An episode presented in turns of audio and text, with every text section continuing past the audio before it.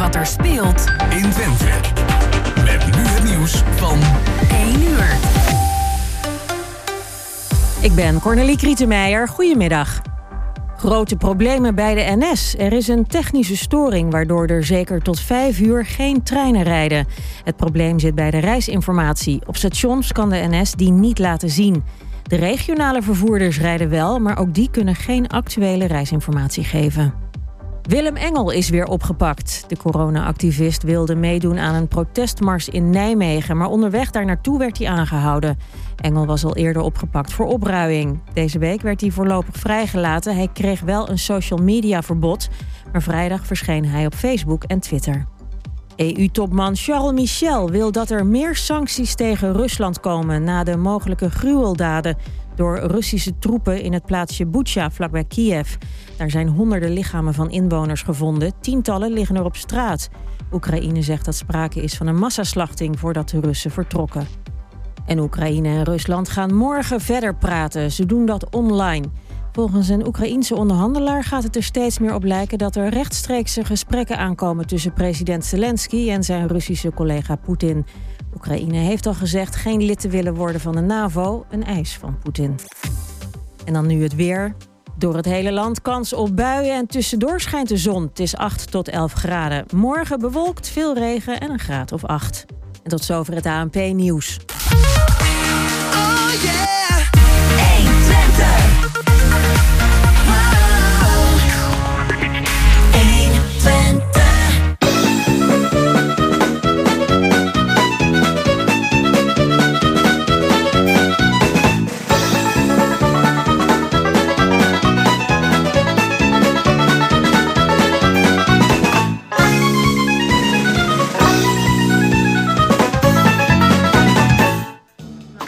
Het is weer tijd voor kwartetten. Op zondag 3 april van het mooie jaar 2020 is het er altijd een keer weer bij. Iedereen weet het wel, maar toch. Hè? De gasten vandaag zijn uh, Lucas, Lucas Schoonhoven, Herman, Herman Nagelmaker en Jan, Jan Vis. De techniek is in handen van Peter Jan Schone, onze belangrijkste man zeg ik altijd maar. Het uitnodigen van de gasten is gedaan door Jos Lazinski. De organisatie was in handen van Emiel Urban. En uw presentator, moet moderator noemen tegenwoordig. Goed, oké klinkt heel chic, is weer Roland Vens. Nou, we gaan, uh, we gaan weer beginnen. De afgelopen weken hebben we twee keer twee uitzendingen gehad. Omdat de gemeenteraadsverkiezingen er waren. En toen werd het even stil. Maar ondertussen is er afscheid genomen van diverse raadsleden. Mag wel zeggen, een groter deel van de raad is zelfs vertrokken. En uh, nou, ik, ik, kijk even naar iemand die ook zeer veel politieke ervaringen heeft. En we hebben hier, ja, ja, ja, jij, maar ook Jan heeft ook ervaring dat het gebied is, maar jij ook, Lucas. Luc, maar Lucas, uh, vertel even, weet je er iets van over dat afscheid of zo? Is dat er iets uh, is? Nou, ik, ik, laat ik onze goede burgervader citeren. Er zijn twee bijzondere dagen in het leven van een raadslid. De eerste en de laatste dag. En je hebt dan een afscheid van de oude raad en de bediging van de nieuwe. En dat zijn eigenlijk twee feestjes. Ja, twee feestjes. En nou, dat is best wel feestje dit keer? Het is voor de meeste mensen wel een feestje. Voor sommige mensen wel een. Nou, ja, die willen niet echt graag weg. Maar ja, ze moeten helaas. Ja. Dus uh, ja, nou, ik vind het altijd wel leuk. Het is een uh, feestelijke afsluiting voor iets wat op zich ook altijd een boeiende periode is. De campagne, met alles wat erbij zit. Met als hoogtepunt natuurlijk de verkiezingsuitslag. Waar je alleen al een hele uitzending over kunt vullen, maar laten we dat maar niet doen. Nee, nee, en, dat Ja, niet. nou goed, dan krijg je het afscheid met een goed woordje voor iedereen die afscheid neemt. En er waren wat notoire afscheidnemers dit keer. Notoire afscheidnemers? Even uitleggen, even uitleggen. Ja, dat hebben we niet Voor de gemiddelde, voor de gemiddelde man. Ik nou, voor de zoveelste altijd voor ja, ja. Jan is er ook wel blij mee, vertel. Maar vertel. Ja, ik vond het een leuke tegen notoire afscheid. Nou, er zijn, laat ik het zo zeggen, er zijn markante raadsleden die... Uh, niet meer terugkomen. En uh, sommige ervan hebben ook een uh, onderscheid, koninklijke onderscheiding gekregen. Oh. Ja, dat hoort erbij. Nou, wat, wat houdt dat in, koninklijke onderscheiding? Uh, nee, nee, nee. Um, nou, ik weet zeker dat er één persoon hier aan tafel zit die dat zelf ook een keer heeft meegemaakt. Ik kijk even de moderator ja, aan. Waar, ja, nee. Ja, maar dat was heel lang geleden. Dat is ook, ook lid geworden. Hè? Dat, dat Als je twaalf jaar in de raad gezeten hebt en van onbesproken gedrag bent, dan heb je bij je afscheid recht op een onderscheiding. Wat houdt dat in? Dan, krijg je een, uh, dan moet je naar voren komen en dan spelt de burgemeester jou een speldje op. En dan ben je op dat moment lid van de Orde van Oranje Nassau, geloof ik. En wat betekent dat? dat je twaalf jaar in de raad gezeten hebt of langer. Ja, maar, maar heeft, die, heeft die zijn onderscheiding nog een bepaalde betekenis? Nou, voor zover ik weet is het niet, alleen, niet meer dan een officieel koninklijk uh, schouderklopje.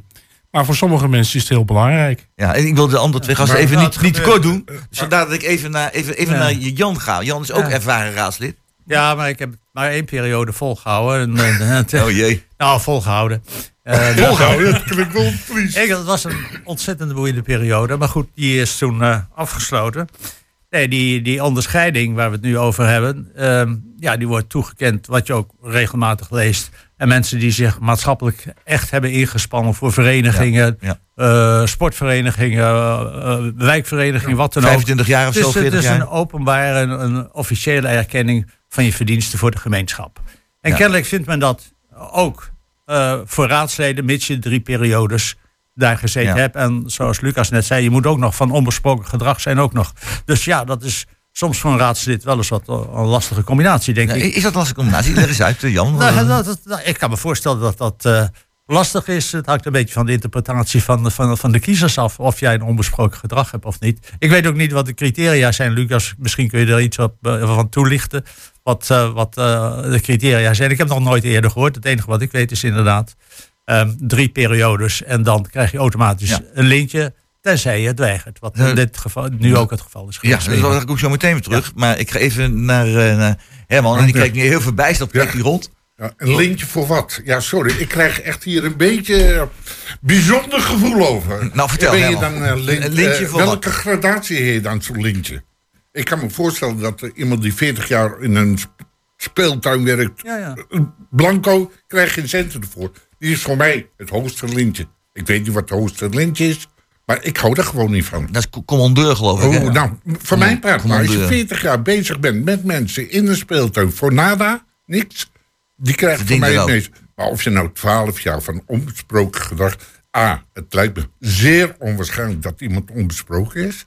Als je inderdaad is gezeten. ja. ja. En dan B, uh, dan krijgt het dus automatisch een lintje. Nou, dus als je helemaal nou. niet besproken bent, dan krijg je dus een lintje. Als je zo'n echte backbencher ja, maar, bent... Dan... Nee, maar wat is dan onbesproken? Dat is toch gewoon ja. grote larikoek? Nou, ik ga, ik ga, weer, even, ik ga weer even naar, uh, naar Lucas toe, want hij kijkt heel wijs op het ogenblik. Ja, en uh, hij kunt niet lachen, oké. Okay.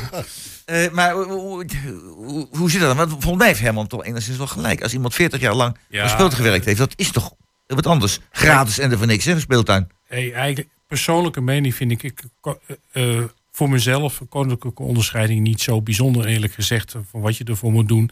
En in Hengelo hebben we een lokale onderscheiding die speciaal bedoeld is voor dat soort mensen als 40 jaar uh, uh, in een speeltuin gratis uh, en voor niks ja, van alles nog wat doen. Dat is de Nijver bij. Nijver bij. En ja. eigenlijk vind ik, heb hem zelf twee keer mogen uitreiken. Eigenlijk vind ik het een wat bijzonderdere onderscheiding dan een koninklijke nou, ja, onderscheiding. Nou, dat komt bij mij goed over.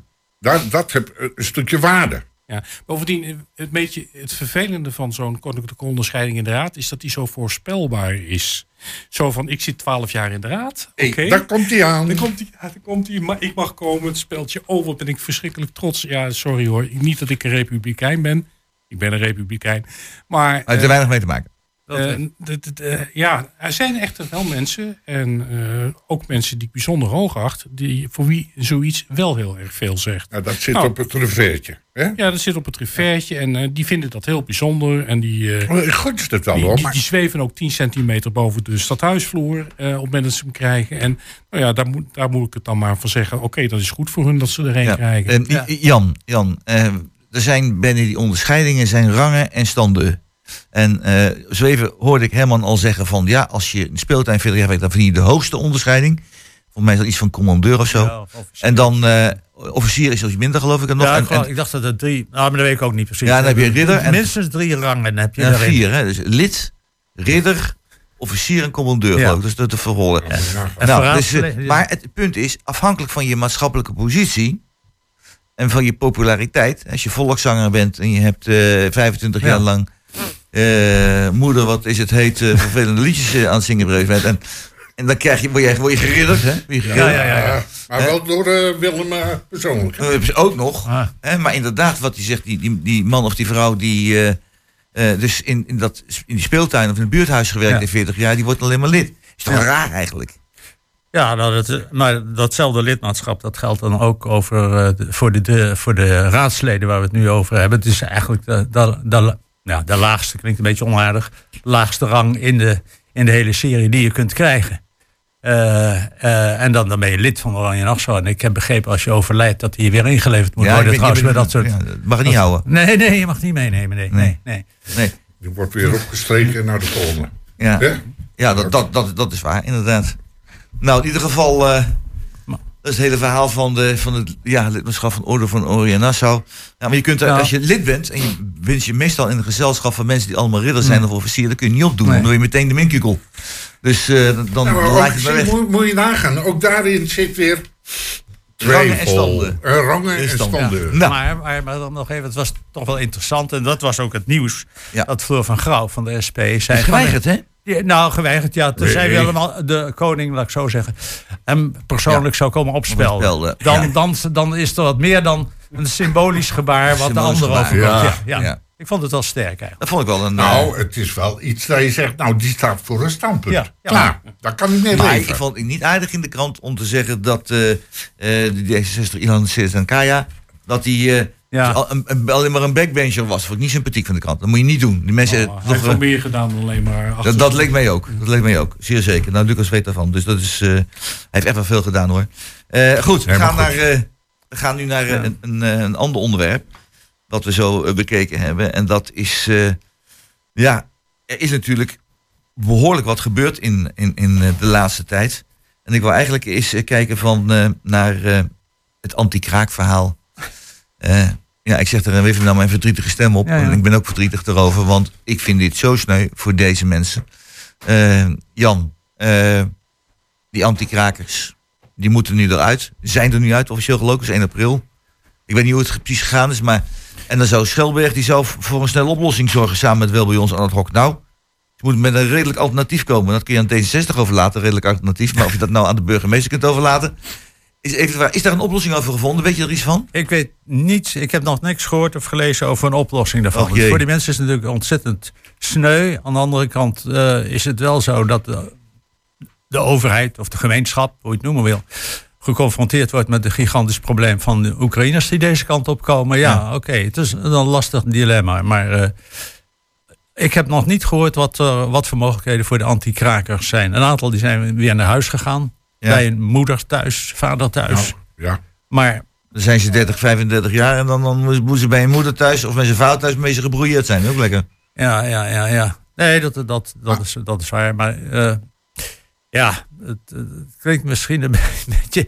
Heeft misschien met mijn leeftijd te maken dat ik ook wel in een periode geleefd heb. waarin eh, echt serieuze woningnood was. En het normaal was dat mensen langer bij hun ouders thuis woonden. Dat Ja. was zelfs in 1970 toen ik hier in Hengelo kwam wonen. was dat voor een heleboel mensen was dat nog steeds een Ja, groot zo. probleem. Dus het is heel vervelend. Maar ja, oké, het vraagt flexibiliteit. En eh, ja. Ja, ik kijk even naar Herman. Herman, jij bent nogal iemand die...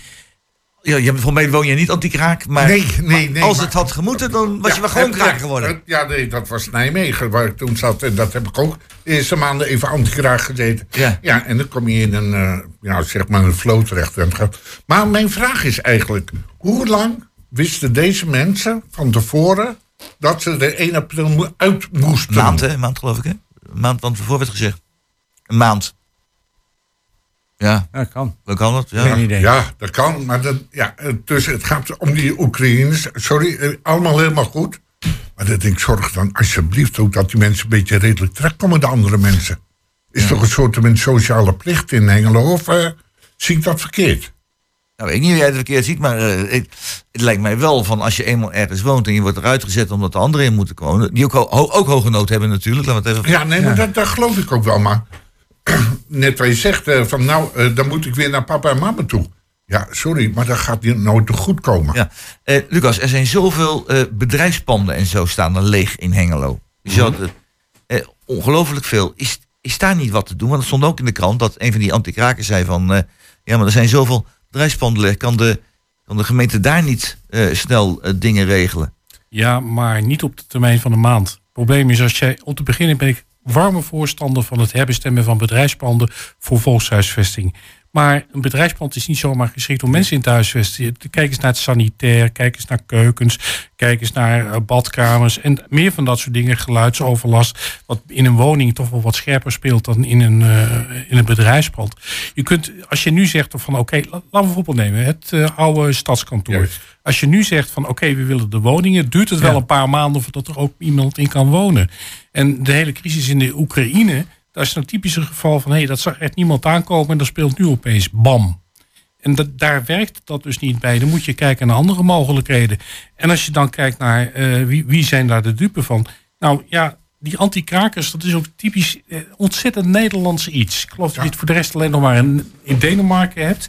Je hebt mensen die eigenlijk een vorm van kraken hebben om uh, ongeregeld kraken tegen te houden. Dat is één ding. En je hebt in, natuurlijk in Nederland, de echte oorzaak is, een gigantisch gebrek aan betaalbare woningen. Ja, ja dan krijg je dit soort dingen. Maar ook wel, denk ik vanaf van, daar heb ik in ieder geval geen idee van, onder welke voorwaarden die anti-kraakbewoners dat pand mogen bezetten. Als er voorgespiegeld voorgehouden is dat ze daar minstens een half jaar of een jaar kunnen wonen, dan is dit inderdaad een heel vervelende situatie. Als in de voorwaarden staat dat, het, dat er een kans is dat je misschien binnen één of twee weken moet vertrekken, dan weet je dat dat een van de voorwaarden is op basis waarvan je daar woont. Dus... En als het beide nou zo is? Voorbeeld, stel je voor, je trekt erin en je ondertekent de verklaring dat er zegt dat je er binnen een maand uit moet kunnen. Maar er wordt je ook al gezegd van nou, dat zien we niet zo gauw gebeuren, meneer mevrouw. dat, dat is waarschijnlijk hetgene wat er gebeurd is. Dat klinkt als een typisch Nederlandse voorwaarde. Ja, het is typisch Nederlandse voorwaarde. Ja, enerzijds, anderzijds. Ja. Ja. ja. Als de, brand, als de brand was uitgebroken, hadden ze er ook uitgemoeten. Ja, ja maar goed. Nee, ja, ja, nee daar heb je wel gelijk in, Jan. Maar nee, nogmaals, okay. uh, dan denk ik aan Nederland weer. Ja, oké, okay, maar... Ja, Nederland weer. Ja, ja maar laten nou, we dan met oplossingen Hoe zouden wij, we zitten hier met z'n vieren bij elkaar. Laten we even creatief wezen. Hebben wij een idee voor, uh, voor Sander Schelberg? Dan komt hij naar ad hoc toe. Uh, en naar ons toe van... Ik heb een idee. Kun je dan zeggen van... Zo kunnen we deze anti-krakers op dit moment helpen. Want de nood is hoog. Het, uh, vannacht heeft het volgens mij gevroren. Het was ijskoud. Dus ja, uh, kun je ze niet op zetten. Dat gaat niet. Ja. Hoe, hoe, doen we dat, uh, Herman? Wat, wat, heb jij een creatief idee? Ja, maar goed, het is net wat Lucas net zegt. We hebben zoveel panden leeg staan. Zeker het stadskantoor. Ja, dan denk ik, ja, het lukt niet in één of twee weken, maar... Begin. Begin, juist. Ga er morgen in nou. zitten. Maar met alle respect, je zit als anti-kraker of ad hoc hè, voor heel weinig. Uh, laten we beginnen. Want dit ga je niet oplossen. Nee. Want die mensen hmm. terug naar papa en mama, hoe fantastisch het ook klinkt, lukt ook niet. Dan krijg je vrevel. Nou, ik denk dat dat, wel, dat dat wel kan als de gemeente zou beginnen met inderdaad een gebouw zoals het oude stadskantoor al te gaan verbouwen, zeg maar over een maand, ik zeg maar wat, is het voldoende gereed om in ieder geval flink wat mensen daar te huisvesten. We hebben, nu zoeken wij voor een maand, zoeken we huisvesting voor de antikrakers. Mm. En dan een beroep doen op de bevolking of op papa en mama. Dan heb je namelijk een heel concrete termijn waar je over praat. Het is niet uitzichtloos. het kan nou- best zijn dat ze een maand of twee maanden thuis zitten. Of bij de buren of waar dan ook mensen die een verdieping over hebben. Maar dat is, dan is het heel duidelijk waar je aan toe bent. Overigens denk ik dat in dit voorbeeld de burgemeester het daar wat moeilijker aan kan doen. Want de gemeente is geen eigenaar van het uh, oude nou ja, een ander pand dan. Ja. ja. Maar als, ja, als er een, een oplossing is, uh, en ik wou het onderwerp toch maar even afsluiten, maar als er een oplossing is, moet er gewerkt worden. Uh, as there is a solution. Ja. Uh, het is ook het nummer van hier zo, is van S van George Michael en Mary G. Blige. Daar gaan we niet naar luisteren. Kwartetten.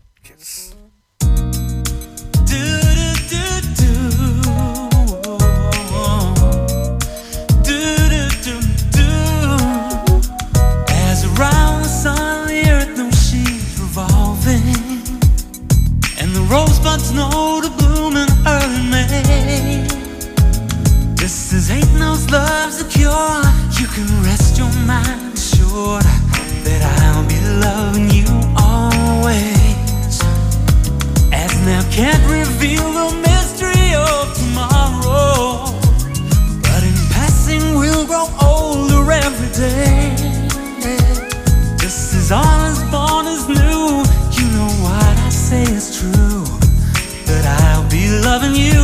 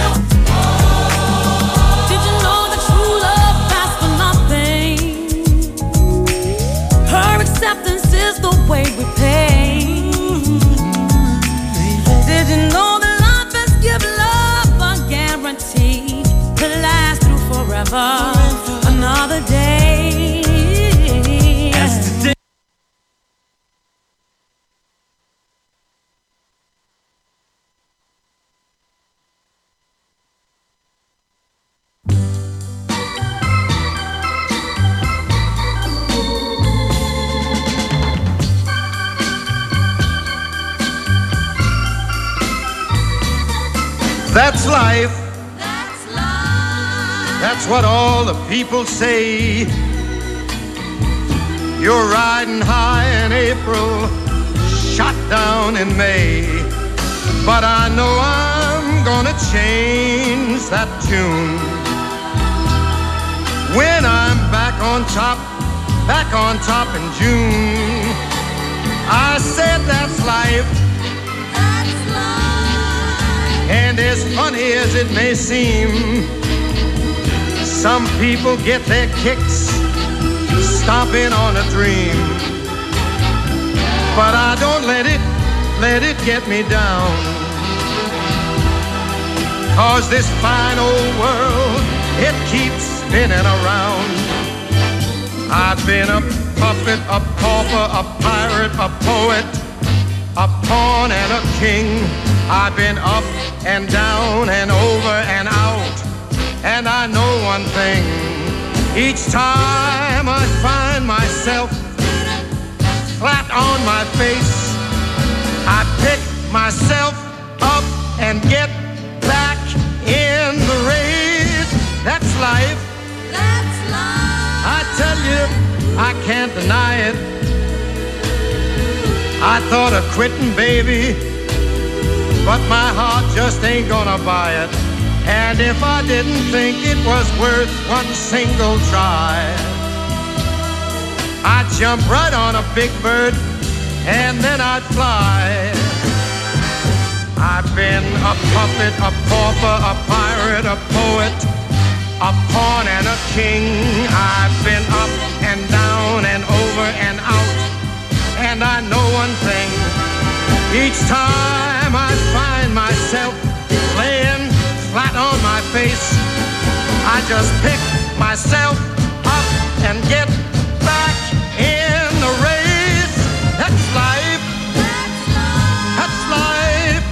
And I can't deny it. Many times I thought of cutting out, but my heart won't buy it.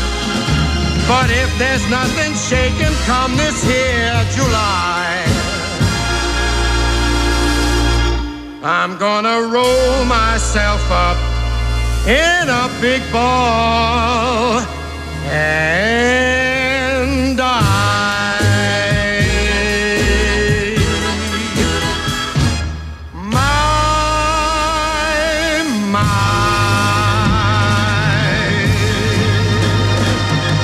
Ja, en dat was dan uh, That's Life. Ja, zo gaat dat, That's Life. Van uh, Frank Sinatra. We gaan zo van ass, het gebeurt, ja. tot, ja, als het fout gaat, That's Life, Frank Sinatra. Hm.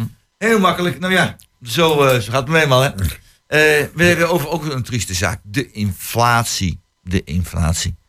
je hebt inflatie van alles en nog wat. Maar laten we het hebben over hier de financiële inflatie. Hè? Hebben we de inflatieonderscheiding hebben we het al over gehad. En er komt van alles uh, langs. Dus carnaval ook toch, denk ik. En oh. ja, ik, ik hoor me net komen hier een hele groep uh, charmante jonge dames langs die in zijn.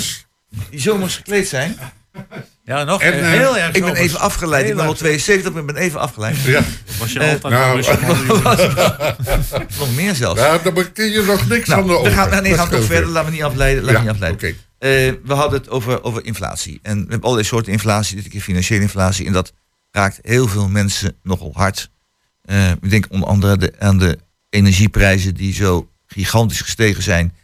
Uh, en uh, Lucas, wat betekent dat denk je? Ook, ook voor, wat betekent het voor jou zelf persoonlijk? Noem eens wat. Voor mezelf betekent het verrekte weinig, want zoveel zit ik niet op de weg. Dus dat valt allemaal nog wel mee. Uh, zoveel stook ik niet, dus dat gaat ook niet zo hard. Maar het, het, het, het, raakt de samenleving wel op een indirecte manier heel erg hard.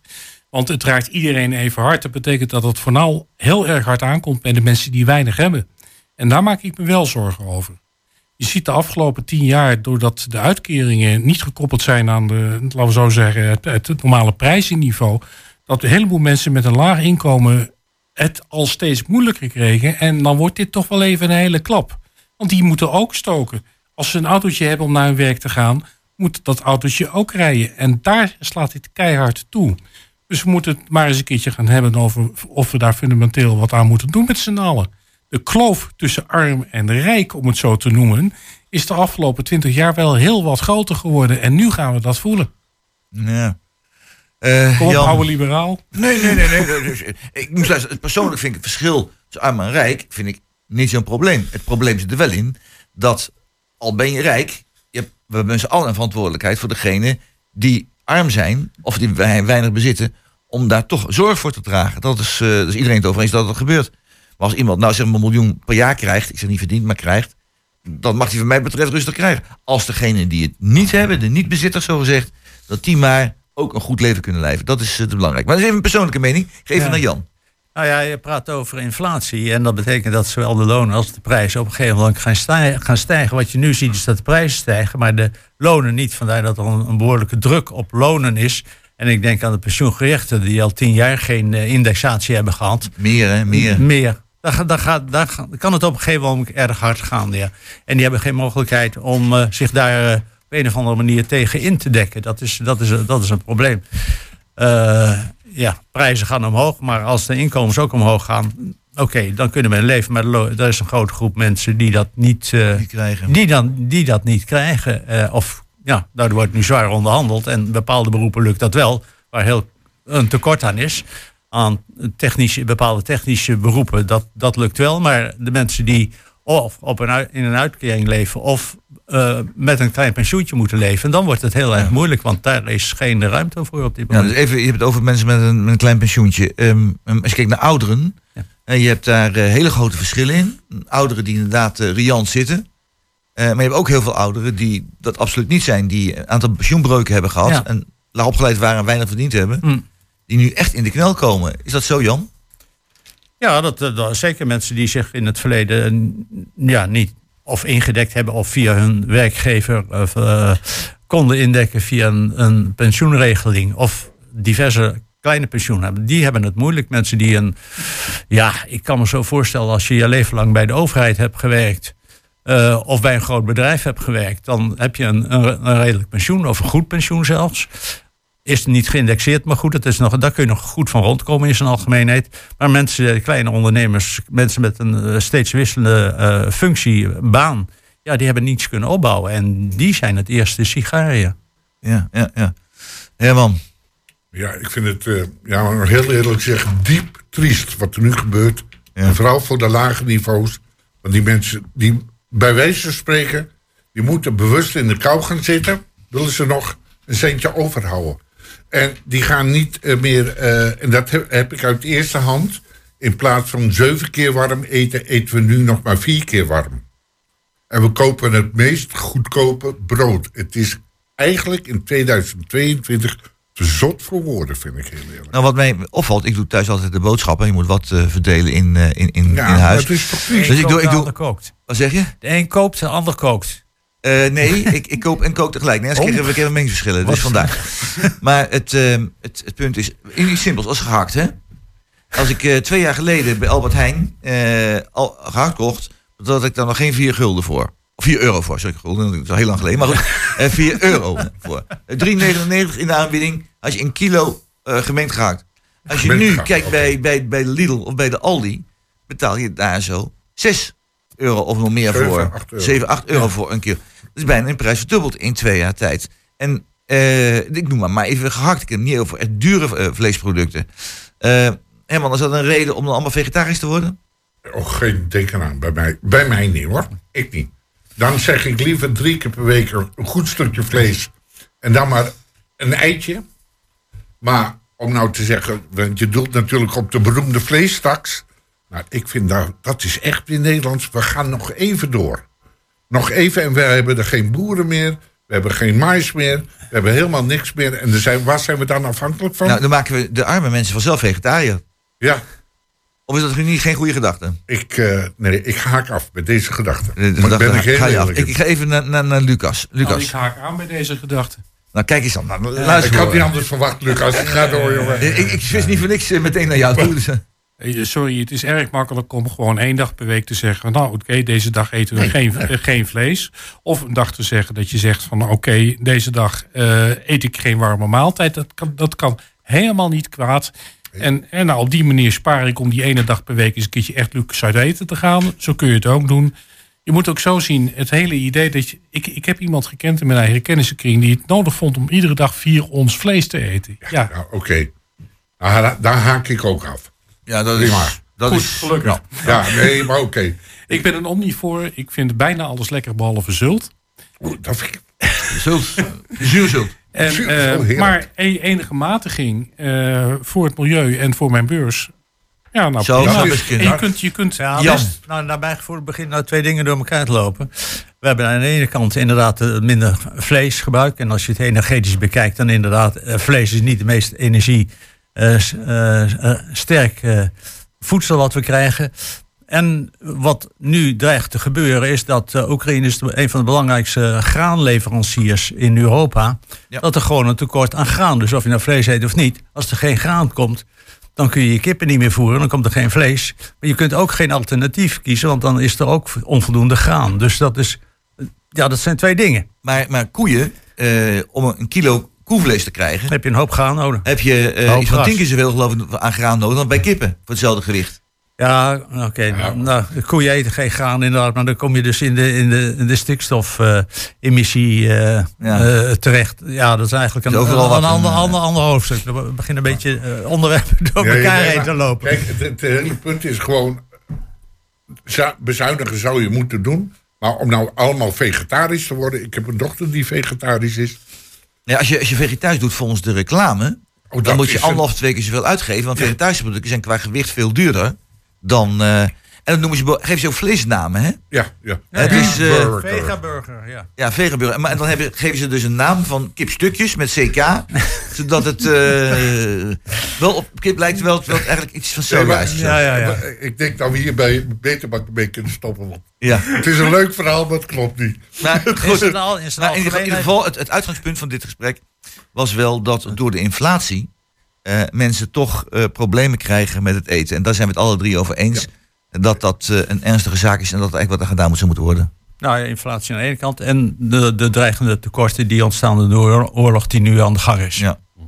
En dat, dat, dat loopt wel zeker door. We krijgen er allemaal last van, of we het nou willen of niet. Dat, dat gaat gebeuren. Nou, misschien is het tijd voor een, voor een volgende muziekje al. Dat is ook een, trouwens een, een, een triest lied van, van Frank Boeien. Kronenburg Park.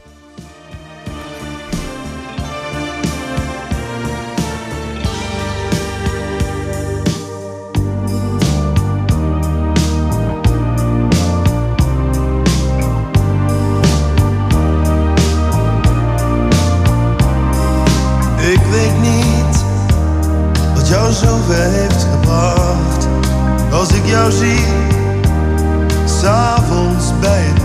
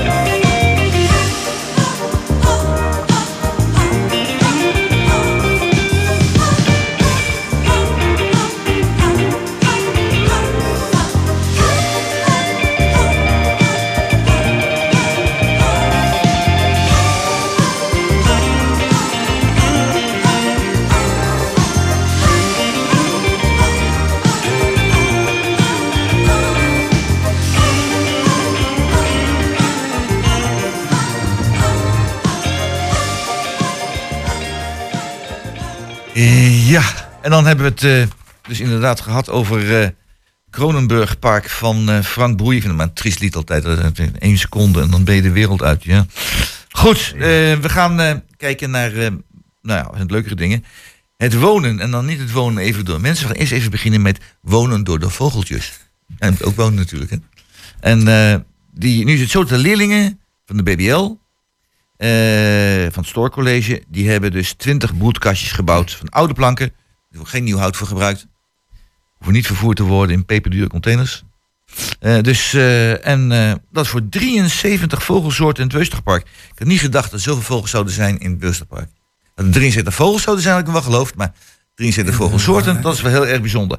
Ik kijk even naar mijn overbuurman, Herman. En Ja. Herman is een echte natuurliefhebber en die weet ook heel veel van. Ben jij een ornitholoog of ben je een ornithofiel? Wat ben je? Nou, gewoon, ik ben gewoon Herman. Door de week ben ik gewoon, Gewoon Herman. Maar bij, En ik geniet waanzinnig van de natuur. Nou. Ik wandel ook enorm veel. En eh, dit sprak me eigenlijk gewoon een beetje aan. Want het, eh, heel vaak worden leerlingen BBL. Ik heb zelf nog een paar maanden les aangegeven. Ja. En ontwikkelingen meegemaakt met die jongens. ja.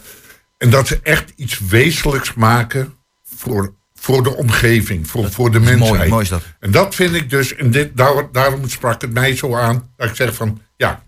Eh, je maakt ze ook een beetje ja, meer wereldwijs. En het, zijn allemaal best hartstikke aardige kinderen.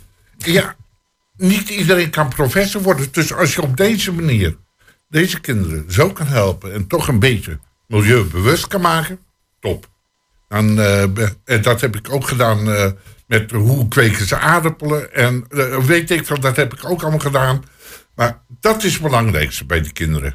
Het, het zijn ook echt kinderen, hè. Het, eh, wat zitten ze, de 12, 13 tot eh 16, 17. Nou, als je daar dan mee kan helpen, dat daar een basis komt, ben ik ervoor. Vind ik het Nou, super dat ik even, gebeurt. ik ga even naar, naar, naar Lucas toe. Ehm, in deze tijd, als ik het niet goed heb, moet je het maar even corrigeren. In deze tijd heb ik de indruk dat mensen die allemaal eh, theoretisch graag hooggeschoold willen worden, dat die wat minder kansen hebben, behalve die, als je de IT in gaat, geloof ik, maar eh, dat, dat je al minder kansen hebt dan mensen die een paar goede handjes hebben, die, die goed kunnen werken, die eh, dat kunnen doen. Daar zijn BBL-leerlingen volgens mij toch wel eh, prima geschikt voor. Tuurlijk. Maar dat is in eh, verschijnsel wat we al vele tientallen jaren zien. Ja. Kijk, ehm, het niveau van een opleiding. Je moet om te, om te beginnen onderscheid maken tussen praktisch niveau en theoretisch niveau. En sommige mensen zijn goed in het ene, sommige mensen zijn goed in het andere. En ja, eh, laten we zo zeggen, wij van de wat oudere generatie hebben altijd het gevoel gehad van als je ga maar een opleiding doen die zo moeilijk mogelijk is, want dan krijg je later een goede baan. Nou, dat is al heel erg lang niet, eh, Dat is, niet dat, waar. is, dat is voorbij. Hey, het is heel simpel. Als ik de, de rekening van mijn slotenmaker laatst eh, bekeek, had ik echt het idee van Lucas, je hebt toch echt het verkeerde vak gekozen. Dat, eh, Ja, de slotenmakers, maar die zijn berucht, hè? Die zijn berucht. Nee, nee, maar kijk daar Ja. gewoon om je heen. Een loodgieter, een timmerman, eh borden aan, aan de weg. Ik zoek automonteurs. Ja. Waarom? Omdat het... Ja, oh god, zand onder de nagels. Zo, gaat dit nog goed? Nee, we hebben mensen met een linker en een rechterhand nodig. Ja. Jan, hoe kijk jij er tegenaan? Nee, heel- helemaal eh, ja, mee eens. Eh, eh, ik denk dat het belangrijkste wat je mee kunt krijgen als je welke opleiding ook eh, volgt, dat je eh, bereid moet zijn om er je leven lang bij te leren. Want de ontwikkelingen, zowel op gewoon technisch gebied als theoretisch gebied, die gaan zo snel. Dus leer dat. Dat je niet een opleiding volgt en dan klaar bent door- voor de rest van je leven. Nee, je moet blijven leren. En dan is de combinatie van theorie en praktijk is natuurlijk eh, fantastisch. Want puur theoretici, oké, je hebt ze nodig hier en daar. Maar die hebben vaak geen kijk op wat, wat de praktijk betekent voor de theoretische modellen die, en apparaten die ze uitvinden. En het omgekeerde geldt natuurlijk ook. Dus een, een cultuur waarin je voortdurend, ja, leven lang leert, is, eh, is ontzettend belangrijk. En wat hier, dit voorbeeld wat er gegeven wordt van leerlingen die dan op praktisch gebied beginnen, maar dan ook al geconfronteerd worden. Ja, er staat hier oud hout. Maar zeg maar met, met duurzaamheid, met het her- hergebruik van materialen is belangrijk. Geconfronteerd worden met de diversiteit in de, in de natuur. Eh, 73 Ja. vogels, ik Ja, wist ja, ook niet dat er zoveel waren. Zo laat staan hier. Eh, ja, het is een hele brede opleiding op die manier. Het is heel goed om op die manier eh, gecombineerd theorie en praktijk te hebben. Ja, ja. maar eh, er speelt ook wat anders mee. Wij krijgen steeds meer gebrek aan mensen. Ja, Juist, ja. Eh, we zijn allemaal eh, wat ouder geworden in een periode dat we zoveel honderdduizend werkelozen hadden. Nou, die hebben we op dit moment echt niet meer. Nee. Waarom? Gewoon heel simpel. Eh, we komen steeds meer in de situatie dat het aantal jongeren wat gewoon de samenleving een beetje draaiende houdt, een soort voor vernieuwing enzovoorts, is gewoon behoorlijk sterk aan het afnemen is. Het aantal ouderen wordt alleen maar meer. Nou, oké, een gebrek aan vakmensen is daar een van de eh, ja, symptomen van. Dit is voorspeld al vele jaren geleden. Eigenlijk, eigenlijk toen, ja, dat denk ik. hoor, Maar toen vroeg naar je de LTS. Hè? Tuinbouwschool of technisch. Ook vanuit die basis vind ik het nog altijd jammer dat het afgeschaft is. Want Ja. daar, daar had je al heel vaak de basis. En dan wisten ze ook van, nou, Pietje wordt een goede timmerman. Dat zie je gewoon aan hem. Ja, maar eh, als je, als je die vergelijking verder door wil trekken. Op het moment dat Pietje het leuk vindt om te timmeren en talent heeft voor timmerman, moest hij vroeger toch naar de HAVO, want daar kreeg je er later een betere baan mee. Ja, sorry joh, dat is al heel erg lang niet meer zo. Nee, Nee. dat is... Nou, eh, Ja. Maar toch, die, die vakopleiding die is er nog steeds. Ik weet niet of je al eens Nou. geweest bent. Eén keer, ik geloof één keer per jaar. Hier het ROC ehm, hebben ze een, een, een, een dag een tentoonstelling van, van, van, handwerk, van, van meubelmakers. Oh, dat is knap werk, hè? Mooie dingen. en, dan, mooi en dan ga je daar naartoe en dan Ja. kijk je en dan zie je wat die, die jongens en meisjes eh, daar gemaakt hebben. Nou, dat is, dat is fenomenaal. Ja, dat is dan, en dat betekent en materiaalkennis, eh, kennis van het, eh, het gebruik apparatuur. Je moet een stuk theorie hebben, want je moet het ontwerpen. Dus fenomenaal wat ze presteren. Ja. Dus wat jij net zei, Herman, over de LTS. Die is als LTS misschien verdwenen. Maar er zijn een aantal hele mooie opleidingen voor in de plaats gekomen. daar heb je wel een beetje gelijk in. Maar kijk, het punt is, nee, weet je wat ik zo... Van, dat weet ik uit ervaring. Hoeveel van die mensen die op het ROC zitten... die fijn houtbewerker zijn, hè? Ja. Hoeveel gaan er dan door in dat vak? En dat is soms wel een beetje jammer. Ja, Ja. precies. Dat en, zou en, kunnen, ja. Maar waar, waar komen die... Kijk, ik heb Bloem Sequence gedaan. Nou, dat is ook een vak. Maar ja, kan je daarmee weer wat verdienen? Nee. Dus ook daar zie je weer. Waar, gaat het echt door, het vak? Ja, ja. Nou, dat is even de, de manier. Ja, het is nou eenmaal zoals het is. Hè. Dus Ja. dat, eh, dat is wel, wel triest. Er mag wat even aan gebeuren. En dat misschien brengt dat bij het volgende nummer. Hier zo, That's the Way It Is van Bruce Hornsby. Oh.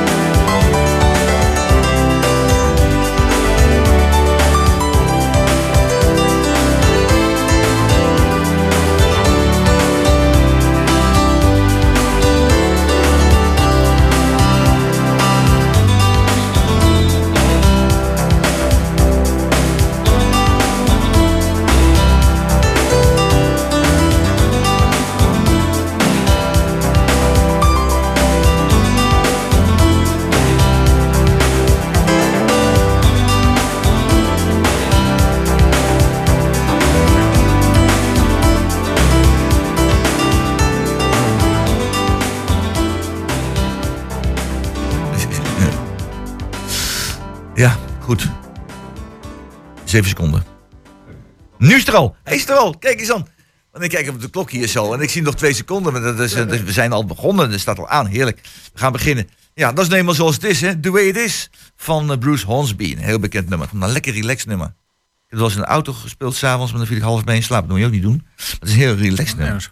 Nou, we hebben, het, eh, we hebben het gehad dus inderdaad over, eh, over het wonen van vogels.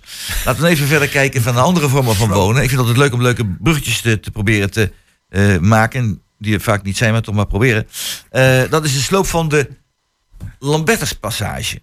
Die ligt stil, omdat de leidingen van gas, licht en water van de Big Bazaar is nog moet worden verwijderd.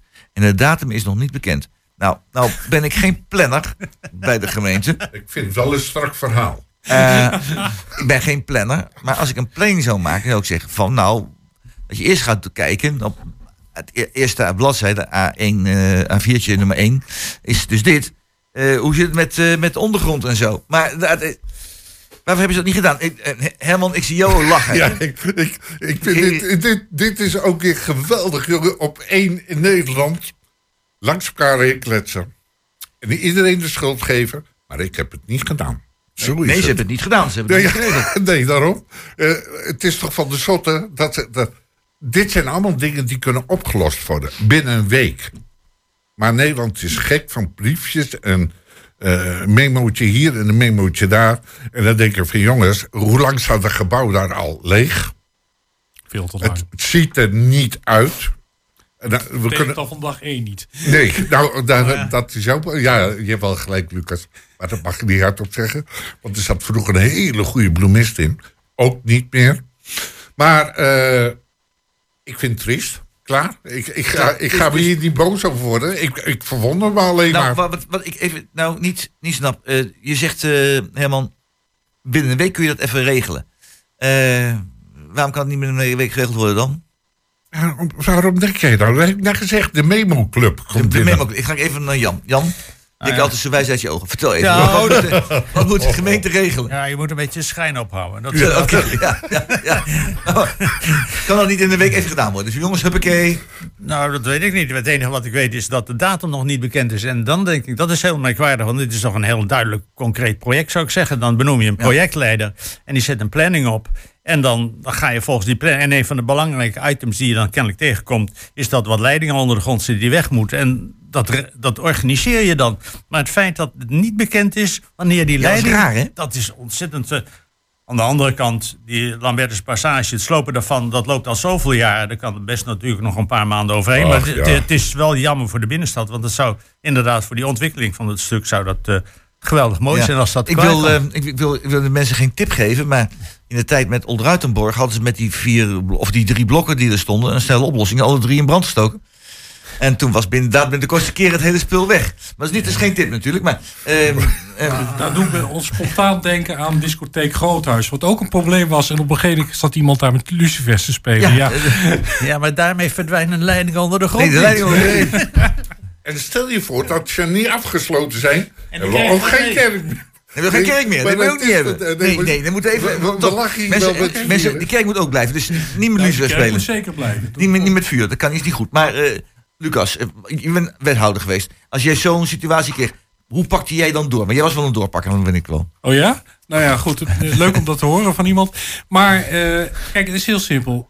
Herman duidde dat al aan. Je hebt hier te veel een cultuur van... Ja, wat er ook gebeurt... Men moet niet naar mij kijken van en zeggen dat het mijn schuld is. Heel vaak zijn dat soort problemen gewoon heel simpel op te lossen. Op het moment dat mensen tegen elkaar zeggen: Oké, we zoeken wel later uit wat er fout is gegaan. We moeten nu gewoon direct werken aan een oplossing. En helaas zit dat in onze verwijtcultuur niet helemaal in. Is het niet een beetje, Lucas, iets van de bureaucratie in de betekenis van dat eh, de ambtenaren en eh, eh, eigenlijk vanaf de, de hele rij tot aan de hoogste ambtenaar, dat die allemaal niet verantwoordelijk zijn, altijd een chef weer verantwoordelijk is? Eh, heeft het niet daarmee te maken? Nou, ik, weet dat het, ik, ik denk dat het ook te maken heeft met het feit van het absoluut niet fout willen doen. Want anders wordt iedereen boos en verdrietig. Ja. En of, eh, ja, eh, die angst zit er wel heel erg dik in. En als je absoluut zeker niks fout wil doen wat aan jou persoonlijk verweten kan worden. Niks doen. Dan, dan kom je niet in beweging op het moment dat er iemand eens een keertje het voortouw moet nemen. Maar dat, dat zegt iets over dat er kennelijk dan een bepaalde afrekencultuur eh, heerst. Kijk, als iemand daar in zijn project wat moet doen, of nou een ambtenaar is, of iemand die voor een of ander eh, projectontwikkelaar werkt, je moet je uren moet je kwijt. Hè? Heel technisch, je moet je uren kunnen verantwoorden. En als er dan iets tegenvalt of er ontstaat iets onverwachts, dan, ja, dan moet je de overpost onvoorzien. Je moet, je moet op dat moment iets kunnen regelen. Maar als je een bureaucratische organisatie hebt en eerst moet tot en met de top over, eh, in de top overlegd worden hoe je dat gaat aanpakken, ja, dan ben je zo weer maanden kwijt. En ik krijg de indruk dat het een beetje in die hoek ligt dat mensen die hier die dit zouden moeten uitvoeren, dat die niet weten, heel technisch gesproken, waar ze dat op moeten schrijven, waar ze een uren op moeten kwijt kunnen. Ja. Zou dat echt zo ernstig wezen, Jan? Nou ja, zo werkt het in de praktijk vaak wel. En ik denk naarmate je meer bij een, een, een ambtelijke eh, organisatie werkt... en dat is geen persoonlijk feit van mensen... maar als een organisatie zo opgezet is... ja, dan, eh, dan kan dat gebeuren. Dat ja. Boekhouders aan de macht. Ja. Ja, ja. Iedereen moet zijn plasje eroverheen doen. En dan is het weer geregeld. Maar, maar het andere bouwwerken in Hengelo, dat gaat wel redelijk vlot. Het badhuis, hè, en dat hebben ze met enorme letters erbovenop gezet, heb ik gezien. En enorme letters, als je die foto gezien hebt. En eh, die zijn groter, die letters bij elkaar, dan de twee muurtjes die ze bewaard hebben van het badhuis. Oh. Dus dat ziet er wel heel indrukwekkend uit. En het is leuk voor starters ook, eh, Jan, ik begreep. 675.000 geloof ik, hè? Ja, voor een beetje starten. Dat is, eh, naar aanleiding van het onderwerp waar we straks hadden. Van, de, van oké, de anti-kraakbeweging, die zouden misschien Ja, zouden- in de- in de- Nou ja. dat, dat leuk. Nog geen 7 ton, dat is toch te doen? Een beetje, een beetje kraken moet dat, Kopje. moet dat toch kunnen betalen. Ja. Nee, ja. Maar Sorry dus- hoor, maar... eh, dit, dit Nee, maar zie jij nou te lachen? Dat is toch... Ja, dit is echt zo. Als je twee pakjes bleubent koopt, krijg je een huisje erbij. Ja. Ja, zoiets. Nou, voor zes of zeven of acht ton. Hè? Ja. Wow, hebben het Peanuts. Ja. Toch? Ja, dat zeggen ze wel van de auto's op het ogenblik. Hè? Ja. Van als, je, als je een tank benzine koopt, dan krijg je er auto bij. Weet Ja, je wel? ja. Dat- Maar oké, maar Ja, dat- en je kan ook doorrijden, want dan krijg je, kan je maar afbetalen in eh Ja. een termijnen. ja. Hè? De Goed, benzine. eh, Lucas, ik drijf er misschien de spot mee, maar hoe, hoe kijk jij daar tegenaan? Dat, dat, dat, eh, dat badhuis. Ja, ik vind het een beetje. We hebben het ding 30 jaar lang leeg laten staan. En voorkomen omdat niemand een goed idee had. Toen is het ja, ehm, met een beetje pijn eh, ver- verkocht aan een projectontwikkelaar. die er wel wat mee moest doen. Maar het moest wel duidelijk het badhuis eh, eh, blijven. Of duidelijk herkenbaar zijn als dit is het badhuis. En als je er dan zulke gigantische letters bovenop zet. dan vind ik het bijna een slecht geslaagde mop. Ja, dat wel. Ja, maar hij heeft wel waarschijnlijk voldaan aan. Ja, vast maar- wel. Maar hoe is de, de ligging van dat, van dat nieuwe gebouw? Als je dan kijkt van in de stad, is het toch een heel markant punt geworden daar in de stad. De Ja. Ariënschool zit er mooi, mo- mooi naast. Als je daar woont, dan is het ook eh, fantastisch om daar eh, te Er zitten is met het huis. behoefte aan in binnen de gemeente eh, centrum te wonen. En dan kan het een prima woning voor zijn. Eigen parkeerplaats erachter. Mooi uitzicht. vlakbij alle faciliteiten van het centrum. Ja, en dan krijg je er dit soort prijzen bij. Ja, nou ja, goed. het is wat de markt vraagt en wat de Ja. markt biedt. Is de, Jan, de combinatie van de Ariëns, oude Ariënsschool en, en het badhuisgebouw, zo gezegd, is dat eh, een goede combinatie daar? Nou, ik vind eigenlijk ja- jammer. eh, twee punten. Het, eh, het, Oké, het moest zo nodig op het badhuis gebouwd worden. Nou, er liggen onder is er een soort. eh, er liggen een paar stenen waarvan je kunt zeggen dat is vroeger, die zijn vroeger van het badhuis geweest. Ehm, ik weet van omwonenden dat die een, een, een probleem vinden dat het zo dicht richting weg uh, de Olzaalse straat is gebouwd. Ja, zo, daar, lag het stad, daar lag het badhuis. Badhuis, dus, ja, ja. Maar goed, dat hadden ze ook aan de achter kunnen schuiven, zou ik dan denken. Over twintig jaar weet niemand meer dat er een badhuis is geweest waarschijnlijk. Maar eh, t- op zichzelf is het een heel mooi appartement wat er gebouwd is. Ik kan me voorstellen dat het prettig wonen is. Ook zeker gezien, gezien de prijzen. Maar je hebt, het, het ligt daar mooi.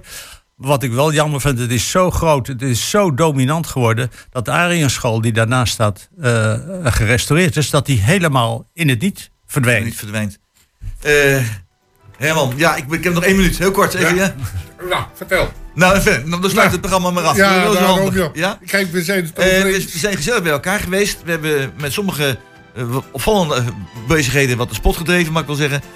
Samen met, heb ik dat gedaan, samen met Lucas Schoonhoven, Herman Nagelmaker en Jan Vis. Techniek was in handen van Peter Jan Schone. En uitnodigen van de gast was gedaan door Jos Krasinski. Organisatie in handen van Emiel Urban. En die moderator deze week was Roland Vens. De volgende week ben ik er niet. Is er iemand anders, hoop ik. En dan eh, wordt het weer zeker gezellig met kwartetten. Dus wees erbij en eh, luister naar dit programma. Oh, die op de hoogte wordt gebracht van alle bijzonderheden van de afgelopen week van Hengelo. Ik wens jullie een hele fijne zondag. En luister nu naar Sportline. Dat is, eh, het begint nu wel te regenen, want buiten is het niks op het ogenblik. Nee. En nog één tip. Het is open dag beter roeien op 9 april. Dus ga kijken aan het kanaal. Wordt heel gezellig thuis zo. Fijne zondag. Geheel wederzijds.